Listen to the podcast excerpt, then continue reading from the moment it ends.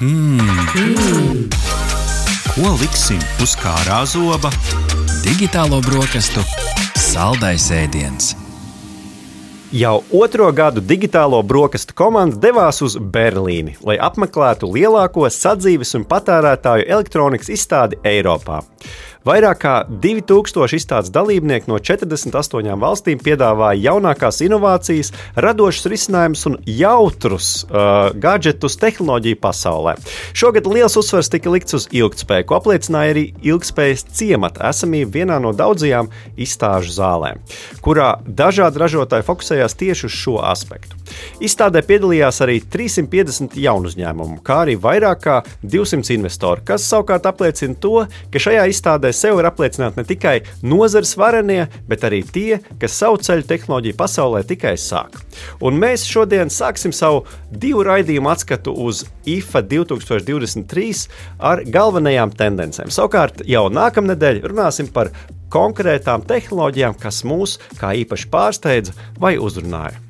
Jā, nākot uz eh, studijas, domāju, kā jums, eh, darbie klausītāji, stāstīt par šo izstādi un kā to vajadzētu uztvert. Un es teiktu, ka visu ir jāuztver ar pudu sāls. Tā kā mēs eh, esam šajā izstādē jau otro gadu, ir redzams, ka ir solījumi, kas piepildās, ir redzams, ka ir solījumi, kas kaut kur ir izplēnējuši. Par tiem mēs noteikti pastāstīsim sīkāk tendencēs.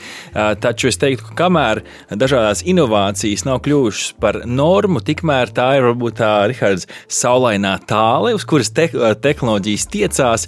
Jo bieži vien arī mūsu stāstījumā jūs dzirdēsiet dažādas piemērus, kur nu, man tā atskatoties, gribās teikt, vai tiešām kādam no šo vajag, vai arī tas ir vienkārši, nu, kā angliski saka, jauks gimiks, jeb uh, funkcionalitāte, kur visticamāk. Uh, praktisku labumu pēc pirmā wow sajūsmas sauciena praktiski arī nebūs. Jā, nu, tehnoloģijas, tāpat kā daudz kas mūsu dzīvē, ir process. Tātad tas notiek soli pa solim. Un bieži vien viena gada laikā milzīgus lēcienus nemaz nevar iegūt. Īpaši, ja mēs runājam par uh, sadzīves tehniku, kuru mēs iespējams jau pavisam drīz katrs varam ieraudzīt savā mājā. Tā kā nav nekāds brīnums, ka arī milzīgus jaunus atklājumus mēs šajā izstādē nepiedzīvojam. Bet te pašā laikā, zināmas tendences mēs esam novē, novērojuši arī šogad. Ar kas varbūt tev no izstādes kopumā ir palicis uh, atmiņā?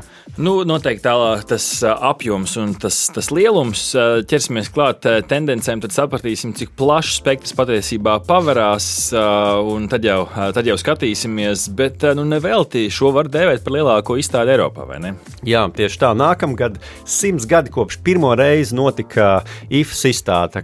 Centīsimies apmeklēt arī nākamgad, kad noteikti būs arī kādi īpaši pasākumi tieši simtgadē par godu. Um, jāatzīst arī, ja mēs skatāmies skatāmies kopumā uz izstādi, tad tā šogad centās būt nedaudz ilgspējīgāka. Jau mans pieminētais ilgspējas ciemats to apliecināja, un, protams, arī vēlāk parunāsim par to, kā uh, uz šo jautājumu skatījās arī daži dažādie tehnoloģiju ražotāji un piedāvātāji, bet nu, arī tās ļoti praktisks piemērs. Šogad caurlaidīts printējām paši un varējām tās iekārt kaklā kartona ietvariņos, kas noteikti ir zaļāk nekā šīs ielaminētās plastikāta vārdkartītes.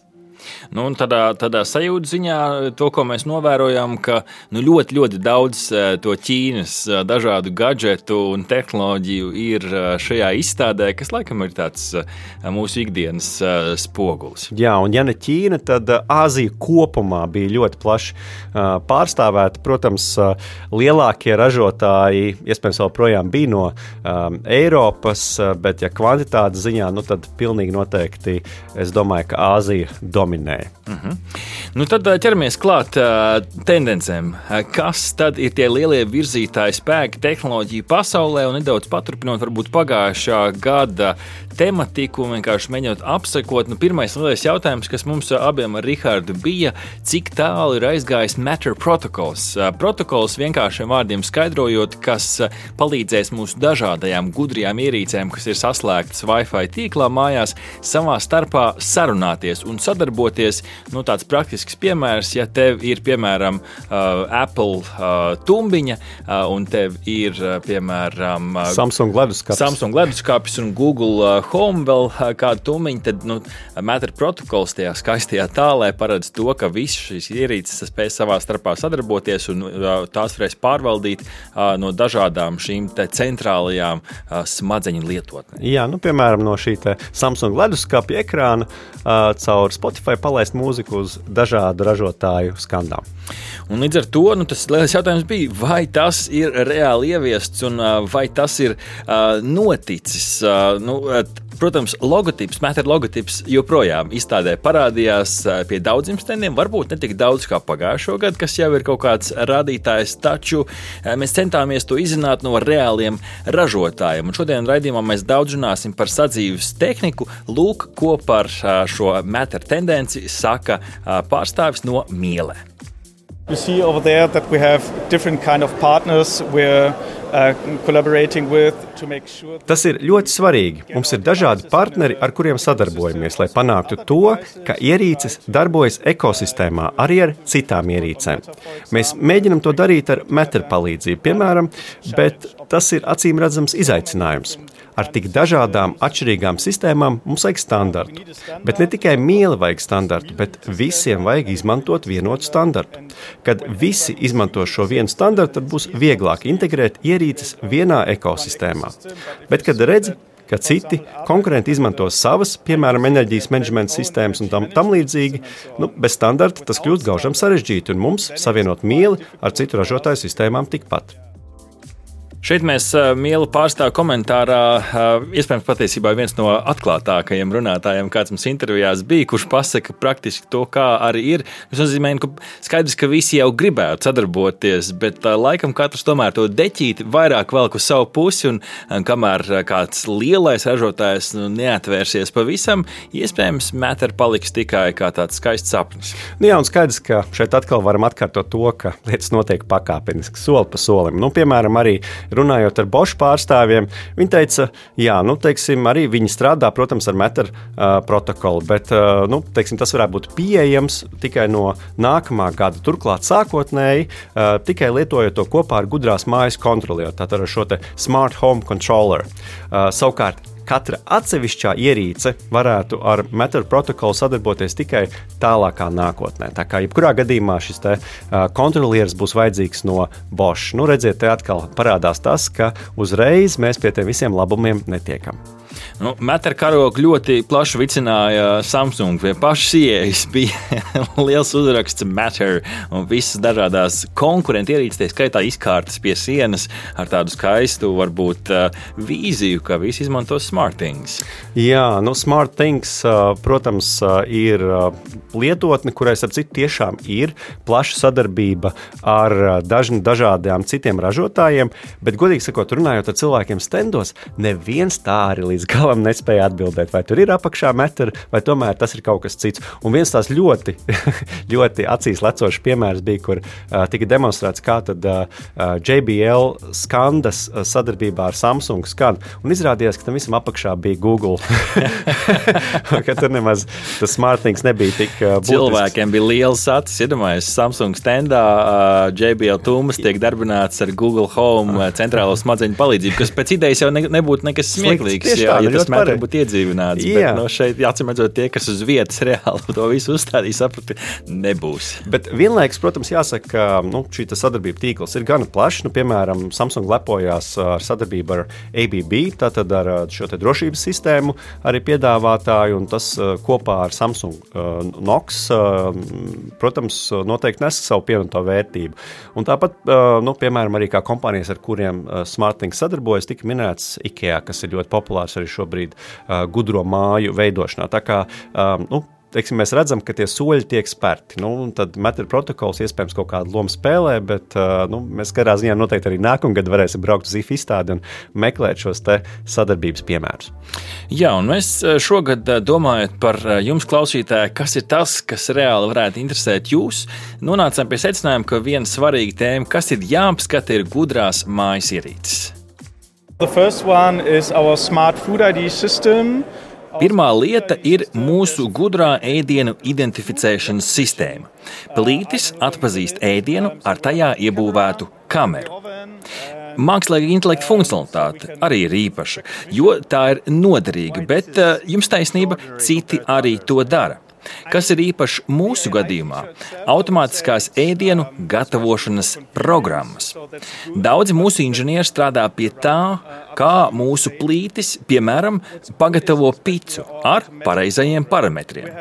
Un es teiktu, ka īpaša ir tikai, ne tikai šī ēdienu atpazīšanas kombinācija ar mākslīgā intelekta ieteikumiem, bet arī mūsu radītās automātiskās ēdienu pagatavošanas programmas. Jāatzīst, ka šīs gudrās plītis, varētu teikt, pat bija izstādes tendence.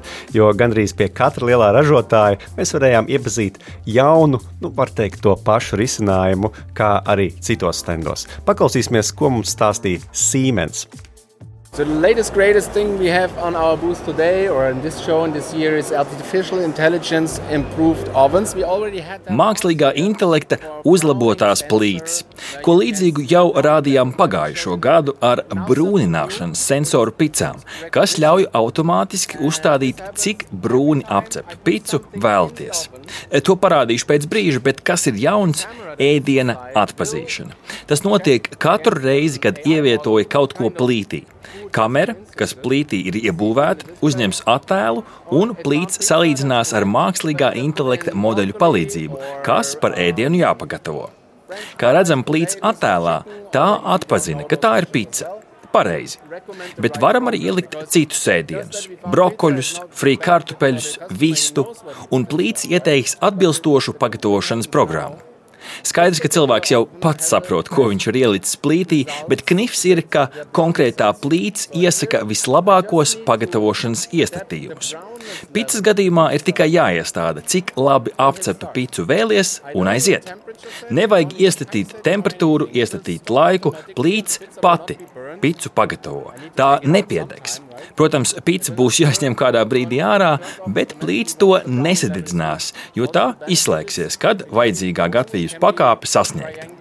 Tā atpazīst, kad pīci ir sasaldēta, trīs stūra kvadrāta, tā pīci atpazīs un apstādinās gatavošanu, kad vajadzīgais brūnuma līmenis sasniegts. Tās ir divas mākslīgā intelekta iespējas - ēdiena atpazīšana pirmkārt un ēdiena gatavības līmeņa pārbaude otrkārt. To darbina vizuāls ēdiena atpazīšanas modelis. Mums laboratorijā ir uzņemti tūkstošiem picu attēli, kas ievietoti plītīs. Līdz ar to plīts atpazīs dažādu izpildījumu picas. Modeli esam veidojuši pašu spēkiem. Protams, ir atvērtā pirmkoda komponentes, bet modelis nav dalīts ar citiem. To dalām tikai iekšēji starp Siemens un Bosch. To izstrādājām iekšēji vienā mākslīgā intelekta centrā. Jā, un tā mēs staigājām no viena ražotāja pie otra, pie Miela, pie Bosch, pie Siemens, pie TLC, pie Samsung un likām iekšā cepeškrāsnīs visbiežāk pizzas, bet arī, protams, krosāns un daudz ko citu. Un tad nu, šīs cepeškrāsnes centās tos atpazīt nu, ar dažādiem panākumiem, bet nu, pamatā ļoti daudz piedāvāja tieši šo tehnoloģiju. Bet ļoti viltīgi eh, izmantot tieši pizzu. Ja mēs tā padojam, padomājam, tad jā, pizzas ir garšīgas, bet tīri arī struktūrāli, nu, eh, piedodiet piedodiet visu, visi meistarīgie pīcis cepēji, bet pīcis tīri vizuāli ir ļoti viegli identificējama. Es gribētu redzēt, kas notiks tajā brīdī, kad mēs iebāzīsim iekšā plītī to veco labo latviešu sautējumu, vai arī uzbērsim kaut kur, piemēram, kāpostus pāri gaļai un mēģināsim to visu uzsildīt. Es ne, neesmu pārliecināts, ka tā, tiešām tās ierīces sapratīs mūsu latviešu kulinārijas šedevrus. Jā, un starp citu arī izmantojot, nu šajā gadījumā tā bija tieši Samsung plīts, viņi bija varbūt gājuši to grūtāko ceļu, tie bija krosāni, kas tika likt iekšā. Un jāatzīst, ka arī mums to, ka tie ir krosāni, vienmēr nenoteica. Parasti bija izvēle starp divām lietām. Un tad cilvēkam pašam bija jāizvēlas, jāsaprot, vai tie ir krosāni vai tie ir uh, vistu uh, vistu nageti, nu, tātad šie spārniņi vai kas. Tā kā uh, nu, šeit, protams, uh, tehnoloģijas vēl nav tik attīstītas. Ir savu līdzību patiesībā ar captčām. Līdzīgi kā mēs katru reizi, kad uh, kaut ko verificējam ar captcha uh, šo bildīti datorā, līdzīgi arī šeit. Tu jau patiesībā trenē to uh, algoritmu, uh, izmantojot uh, mm. konkrētās uh, ierīces. Bet plītis nebija vienīgais, kas mums šeit bija, vai ne? Jā, un tieši tā, nu, piemēram, atgriežoties pie Samsung, tad viņi piedāvāja uh, gudro veļas mašīnu, kurai var noteikt laiku, kad vēlies, lai drēbes ir izmazgātas. Un tad, attiecīgi, tā uh, automātiski nosaka mazgāšanas laiku, nosaka arī apģērba materiālu, izrēķina, cik mazgāšanas līdzekli vajadzēs. Un sanāk tā, ka to, to uzpildīt, nu, piemēram, reizi nedēļā. Un, starp citu, šī veļas mašīna arī atcerās, kuras mazgāšanas programmas uh, tu biežāk izmanto. Līdz ar to, nu, tad, uh, vai tas ir mākslīgais intelekts, tas vēl ir jautājums, bet nu, katrā ziņā tie dažādi algoritmi, kas uh, atvieglo mūsu dzīvi. Jā, nu, lūk, un uh, vēl viena uh, veļas mašīna un gudrā mājas ierīce mums seko no mīlas. I'm not quite sure what they are doing inside of the device, but what I can tell is that Nezinu, kā to dara citi, bet mēs patiešām izmantojam sensorus un iegūstam ar tiem datus, lai saprastu, kas ierīcē notiek. Mēs patiešām zinām, kas notiek ierīcē pateicoties aprēķiniem un varbūtībām, kuras iegūstam no liela datu apjoma. Datus mēs iegūstam no konkrētās ierīces, un tas palīdz labāk saprast, kas ierīcē ir nogājis greizi. Nu, jā, tā tad šajā gadījumā tas, kas arī, mēs arī jautājām, ir, vai mums kā lietotājiem būtu jāuztrauc, vai dati no mūsu ierīcēm nonāk pie šī ražotāja. Nu, tad viņi apgalvoja, ka tie nonāk tikai tādā gadījumā, ja mēs to vēlamies. Kaut ko līdzīgu arī Siemens pārstāvis minēja. Tieši tā, tā kā šajā gadījumā nu, tur ir arī tie drošības aspekti ņemti vērā. Bet nu, katrā ziņā te atkal ir jāatcerās to pareizo ķeksīti ielikt, ka jūs nevēlaties, lai jūsu dati nonāk. Nu, ja vien jūs to nevēlaties, protams. Um, vēl viens piemērs bija Samsung putekļu sūcējs. Arī, protams, nekas nu, tāds pilnīgi, pilnīgi jauns, bet šis putekļu sūcējs var noteikt, uz kādas virsmas tas atrodas. Un tad, attiecīgi, pielāgot sūkšanas jaudu. Te jau ir lielais jautājums, vai tas tiešām ir mākslīgais intelekts vai vienkārši algoritmi. Jo Samsung, es teiktu, bija līderis starp visiem prezentētājiem, kurš bija salicis divu burbuļu kombināciju AI, jeb mākslīgais intelekts, kur vien pagadās bija pat vesela siena, kur pamatot pamatoja, kāpēc mums ir AI, nevis vienkārši algoritmi. Nu jā, protams, un iespējams, ka tā atbilde ir tajā, ka viņi tomēr cenšas sekot līdzi arī mūsu paradumiem, un tur varbūt arī tas mākslīgais intelekts uh, palīdz. Bet, nu, jā, jautājums arī, uh, cik daudz mēs to pratīsim izmantot. Nu, vēl viens piemērs no Samsung ir leduskapa ekrāns, kurā var meklēt receptes. Kā mums te jautri gāja pie šī ekrāna? Kamēr sākumā vispār sapratām, kur kas atrodas. Pirmo reizi bakstījām, vismaz es pirmo reizi bakstīju leduskapī tādu lielu izmēru, uh, monitoru izmēru ekrānu.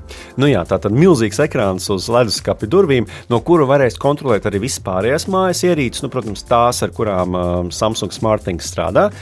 Un, um, attiecīgi, nu, tātad, piemēram, ja jūs izvēlaties recepti uh, no ēdiena, kas ir jūsu leduskapī, tad uh, šis gudrais leduskapis nosūta ziņu jūsu cepeškrāsnī, ka viņai jāsāk uzsilt līdz konkrētās receptes pagatavošanai nepieciešamajai temperatūrai. Nu, tā kā zināma zinām, uh, sadarbība tur notiekās. Te ir vecais labais jautājums, vai tas tomēr beig beigās ir ērtāk, jo cik grūti ir izņemt to gaļu, ielikt plītī un uzspiest 220 grādu un no rīta taisīt to savu cepetīti. Taisnība, jā. Nu, protams, no otras puses, ja katru reizi aizejot un ieraugot, ka tā pizza vēl projām tur cepās un nav līdz galam gatava, tad ir jauki, ka tas brūnināšanas sensors ir. Tad tā plīts pats saprot, nu, ka tiešām tagad tā pizza ir pietiekami brūna, un jūs varat celties no dīvāna un nākt to izņemt no plīts. Nu, vēl viens interesants piemērs, kur mēs gan nesaņēmām sīkākus skaidrojumus, tikai tādu vīziju, ir Siemens trauku mazgājumā mašīna, kas pielāgojot mazgāšanu atbilstoši lietotāja atgriezeniskai tikai saitē, respektīvi, tev trauki tiek nomazgāti, un tu telefonā atzīmē, cik, tev, cik, tev, nu, cik liela vērtējuma, cik labi tu vērtē to, kā trauki ir nomazgāti. Un tad, pēc parametriem, kurus mēs pēc tam tikai redzējām ekrānā, kas varētu būt mazgāšanas ilgums, jauda, temperatūra, tīrīšanas līdzekļu apjoms, ko tā trauku mazgāšanas mašīna paņem sevī, nu, iespējams, ka tie ir tie parametri, kuriem tā spēlējās. Bet nu, gudri mēs līdz galam netikām, vai šis ir gimiks vai realitāte. Jā, nu tā Siemens pārstāvs skaidroja, ka ir jāatbild uz jautājumiem četrās kategorijās, un tad, attiecīgi, tā veļas mašīna pielāgojas mūsu vēlmēm. Nu, es gan īsti līdz galam nezinu, vai tāpēc viņi maksā, mazgās, piemēram, mazāk, ja mēs esam tādi pieticīgāki savās prasībās un tādā veidā taupīsim resursus. Uh, nu, to līdz galam es uh, nesapratu, bet nu, droši vien nāks laiks, un mēs arī iepazīsim šīs tehnoloģijas. Bet mākslīgais intelekts nebija vienīgā tendence, ko mēs novērojām, jo skaidrs, ka zaļais vilnis gāžās pāri visām nozarēm, un noslēdzot varbūt šo ierīču sadaļu un jau pārējot uz zaļā virziena tendencēm, lūk komentārs no miela pārstāvja. I think in general it's eco and sustainability Es domāju, ka kopumā ekoloģiskā pieeja un ilgspēja ir tendence. Visi cenšamies izveidot funkcijas, kas pasauli padara labāku ar ilgspējīgu pieeju, tā skaitā taupot enerģiju. Manuprāt, tā ir viena no svarīgākajām tēmām, kas šogad ir novērojama IFA izstādē. Un šeit piemēri patiešām bija dažādi. Ja mēs runājam par ilgspējīgu pieeju, kopumā varētu vērtēt, ka dažādos stendos, tīpaši lieliem ražotājiem, kuriem patiešām ir ekosistēmas ar ierīcēm, bija liels uzsvers uz enerģijas patēriņa apzināšanos pirmkārt un menedžmentu. LG pat bija atvedis veselu, nu, tā varētu nosaukt par lauku mājiņu, divos stāvos ar dažādām istabām, kur tad ir centrālais ekrāns, kur tu redzi, cik cik enerģija kurā brīdī aiziet uz eh, kuru ierīci, cik šobrīd maksā, piemēram, elektrība un tā tālāk. Tad, tad centralizēta savas gudrās mājas pārvaldība. Jā, un, un tas uh, uzsvars ir uz tādu apzināšanos, ka lietotājs pats apzinās, cik resursus viņš patērē. Un, uh, nu, piemēram, viens piemērs, tātad jums uz mājas ir saules paneļi, piemēram, tas Latvijā šobrīd ir gan izplatīti jau, tad mākslīgais intelekts vai vismaz gudri algoritmi mēģinās saprast, piemēram, kad enerģiju patērēt būtu visprātīgāk, kad to būtu visprātīgāk uh, pārdot un, un tā tālāk un tā joprojām. Tāpat salīdzinoši daudz lielāks piedāvājums šajā IFA izstādē bija arī viedo akumulātoru ražotājiem, kas piedāvā šo enerģiju uzglabāt. Nu, un tad, attiecīgi, ņemot vērā šos algoritmus, tad uh, tajā brīdī, kad enerģija ir dārgāka, to pārdot, un savukārt, vai arī tajā brīdī, kad jums ir jāpatērē vairāk, attiecīgi to arī uh, dot patēriņam. Tā kā es teiktu, ka salīdzinām ar pagājušo gadu šo viedo akumulātoru investoru uh, piedāvājums bija daudz kārt plašāks. Tā kā nu, šī noteikti ir tendence. Es domāju, ka Latvijā daudz gribētu, kaut mēs varētu pārdot uh, to pārpalikušo elektrību, nevis to nu, vai, nu, vai nu mēģināt uzkrāt vai dot atpakaļ sistēmā. Un, uh, ir pat valstis, jā, kur, kur pat ir jāmaksā par to, ka to es pārāk daudz ievācu. Tur iespējams tāds mazs kāzus, kas jāatrisina. Taču mēs atradām vēl vienu interesantu zīmolu, kas tā skaitā arī startēja ar šādu enerģijas menedžmentu menedžmenta eh, sistēmu, un tie bija TCL. We are using photovoltaic and sun electricities to uh, use it for our appliances. Pirmkārt, mēs izmantojam saules paneļa iegūto enerģiju mūsu ierīcēm. Pārpalikums tiek uzglabāts baterijās.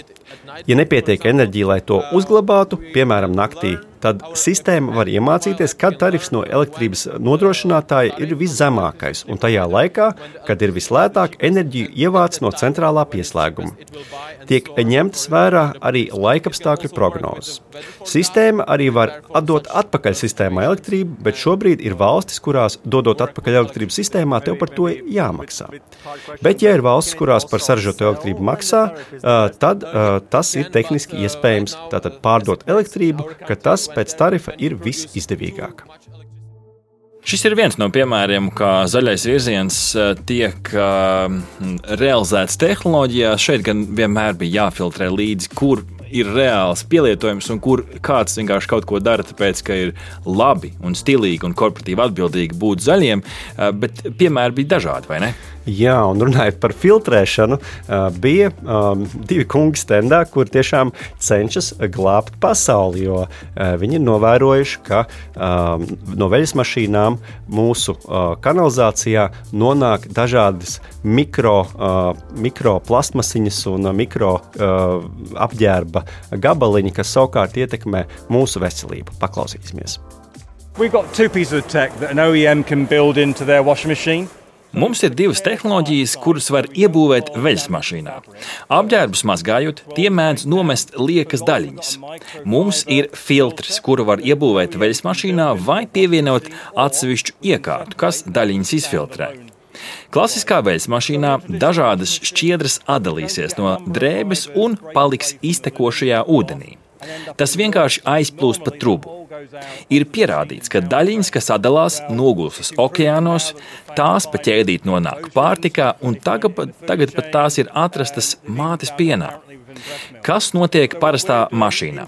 Tiklīdz ūdens nosūcējs sāk darboties, tas patiešo nosūc ūdeni trubā.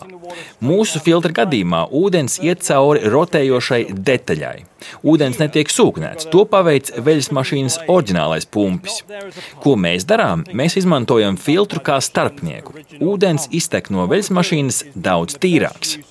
Un Francijā, starp citu, top regulējums. Arī Kalifornijā pie tā strādā ar gan nelieliem iebildumiem no veļas mazgāšanas industrijas, kas negrib investēt šajā problēmā.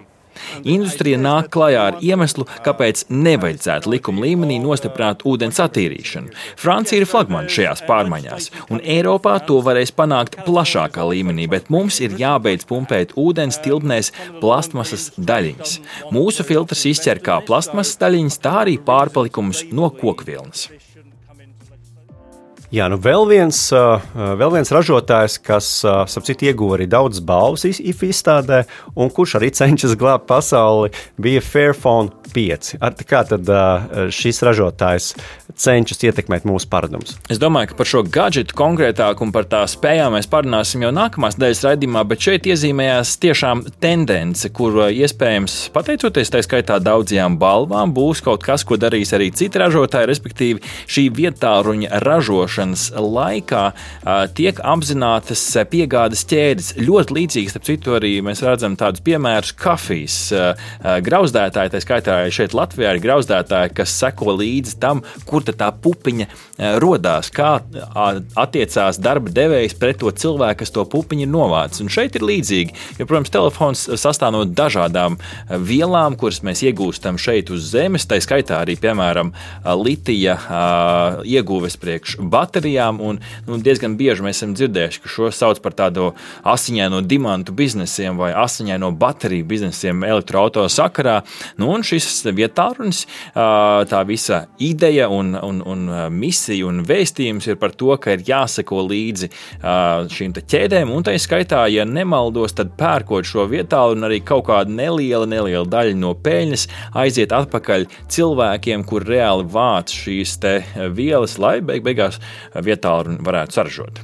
Un otrs aspekts šim ražotājam ir tas, ka e, viņi seko šīm tiesībām salabot savu ierīci. Un, attiecīgi, tā tiek gatavot no tādiem moduļiem, kas nevis ir salīmēti kopā, bet saskrūvēti ar mazām skrūvītēm. Un, nu, un tad, ja gadījumā kāda detaļa izbeidz savu darbību, tad pastāv iespēja pašam to nomainīt. Nu, cik vienkārši tas ir un cik mēs būsim gatavi to darīt, tas jau ir cits jautājums. Nu, es, es šo saukšu, saukšu par jaukiem centieniem. Kamēr mēs neredzēsim uh, Apple uh, prezentācijās, uh, ka mums priekšā Tims Kuks iznāks ar skrūvgriezu un teiks, nu jūs varat skrūvēt, nu tikmēr šie būs jauki centieni. Bet eh, jauki centieni eh, bija arī eh, tēmā un kategorijā, kas Rihardam ir ļoti tuva sirdī. Šeit mēs runājam par skandām, un arī tās var būt ilgspējīgas. So we're Urbanista from Stockholm, Sweden. We make light-powered audio products. So Urbanista no Stokholmas.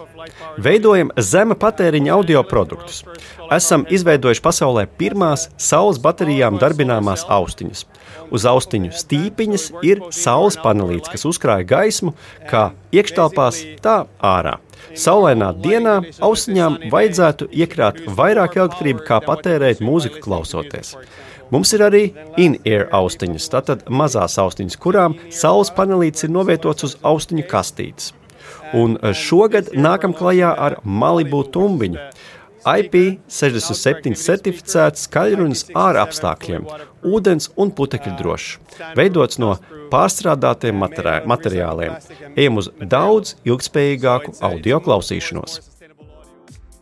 Man šis piemērs ļoti uzrunāja. Mēs esam redzējuši kaut ko līdzīgu no vietpulksteņa ražotājiem. Konkrēti, tas ir redzēts Gārmina vietpulksteņos, kur ir šis saules gredzens uz ekrāna. Taču nu, tur mēs bieži vien esam pieķēruši, ka nu, īsti jau tas nelādē. Šeit ļoti interesanti. Austiņas, kas pašas sevi uzlādē. Iespējams, ka šis varētu būt tas lielais faktors, kas daudzus vērš par labu šādiem izgudrojumiem. Jo, ja tev austiņas nav jālādē, praktiski tu esi brīvs brīvs no viena vada. Jā, tieši tā. Uh, un runājot par enerģijas taupīšanu, gribu vēl tikai vienu piemēru pieminēt. Um, Samsung trauku mazgājumā mašīna. Piemēram, ja ir uh, dots laiks, uh, kad, nu, kā saka, varat šos traukus mazgāt ilgstoši, tad tā mazgā ļoti lēni. Un tādā veidā gan taupa ūdeni, gan enerģiju. Un arī leduskapis, piemēram, tādā veidā ir nedaudz gudrāks. Pa dienu, kad netiek virinātas durvis, nav nepieciešama arī tik aktīvi darbināt šo te, leduskapi, un tā temperatūra nedaudz, nedaudz tiek paaugstināta. Atkal ietaupot nedaudz enerģijas. Tā kā daži dažādi tehnoloģiski risinājumi, lai par kripatiņu tomēr padarītu mūsu enerģijas patēriņu efektīvāku. Un tad, domājot, kas varbūt bija tā trešā tendence, mēs kopīgi nonācām pie tāda varbūt nu, lielā ietvara, kas varētu saukties izklaides pieejamība. Jo skaidrs, ka ļoti daudzos stendos ierīces, kas bija, bija saistītas ar, ar izklaidi. Vai nu tie bija monitori, vai tās bija kādas spēļu ierīces un tā tālāk. Tad izklaides pieejamība. Un mēs satikām Rihardu arī kādus ASV biznesmeņus. Tieši Tieši tā, biznesmeņi, kuri palīdz savienot dažādas ierīces un patiesībā šo pakalpojumu piedāvātājus, lai pilnīgi bez nekādas aizķeršanās mēs savu iemīļoto TV pārraidi varētu vērot gan televizorā, gan savā vietā, gan pat iesēžoties savā jaunajā BMW automašīnā. all the studio content partnerships we have, the search and recommendations, and so your time to content gets very short. Pateicoties sadarbībām ar TV satura ražotājiem un gudru satura meklēšanas sistēmu, mēs saīsinām laiku, kas jāpatērē meklējot, ko gribam skatīties. Savienota izklaides satura pieredze, kas centrējas ap saturu. Nav jāatver papildus lietotnes, nav jāatceras vairs, kurā platformā ir kāds saturs. Viss ir viena vieta. Esam saturu kategorizējuši pēc tām metadatiem. Līdz ar to tu vari pateikt, Astala vista, baby! Un tev atradīs terminatoru. Neko vairāk nevajag vērt vaļā un meklēt. Lūk, šāda gudrā TV operētā sistēma ir kulminācija visiem mūsu pūliņiem. No manis pa kreisi redziet BMW automašīnu. Kopā ar BMW un TiVo operētāju sistēmu mēs ienesam Smart TV stila izklaidi automašīnā, bet specifiski automašīnas apstākļiem. Ekrāns ir mazāks, bet saturs ir pieejams.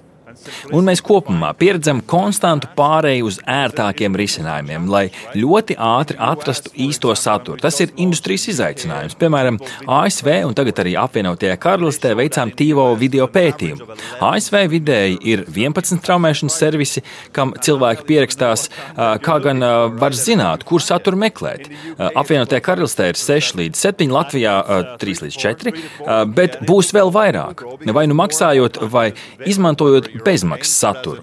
Bezmaksas satura platformas, starp citu, aug, audzē reklāmu modeli, jo cilvēks ir gatavs noskatīties pa kādai reklāmai, lai saņemtu saturu bez maksas.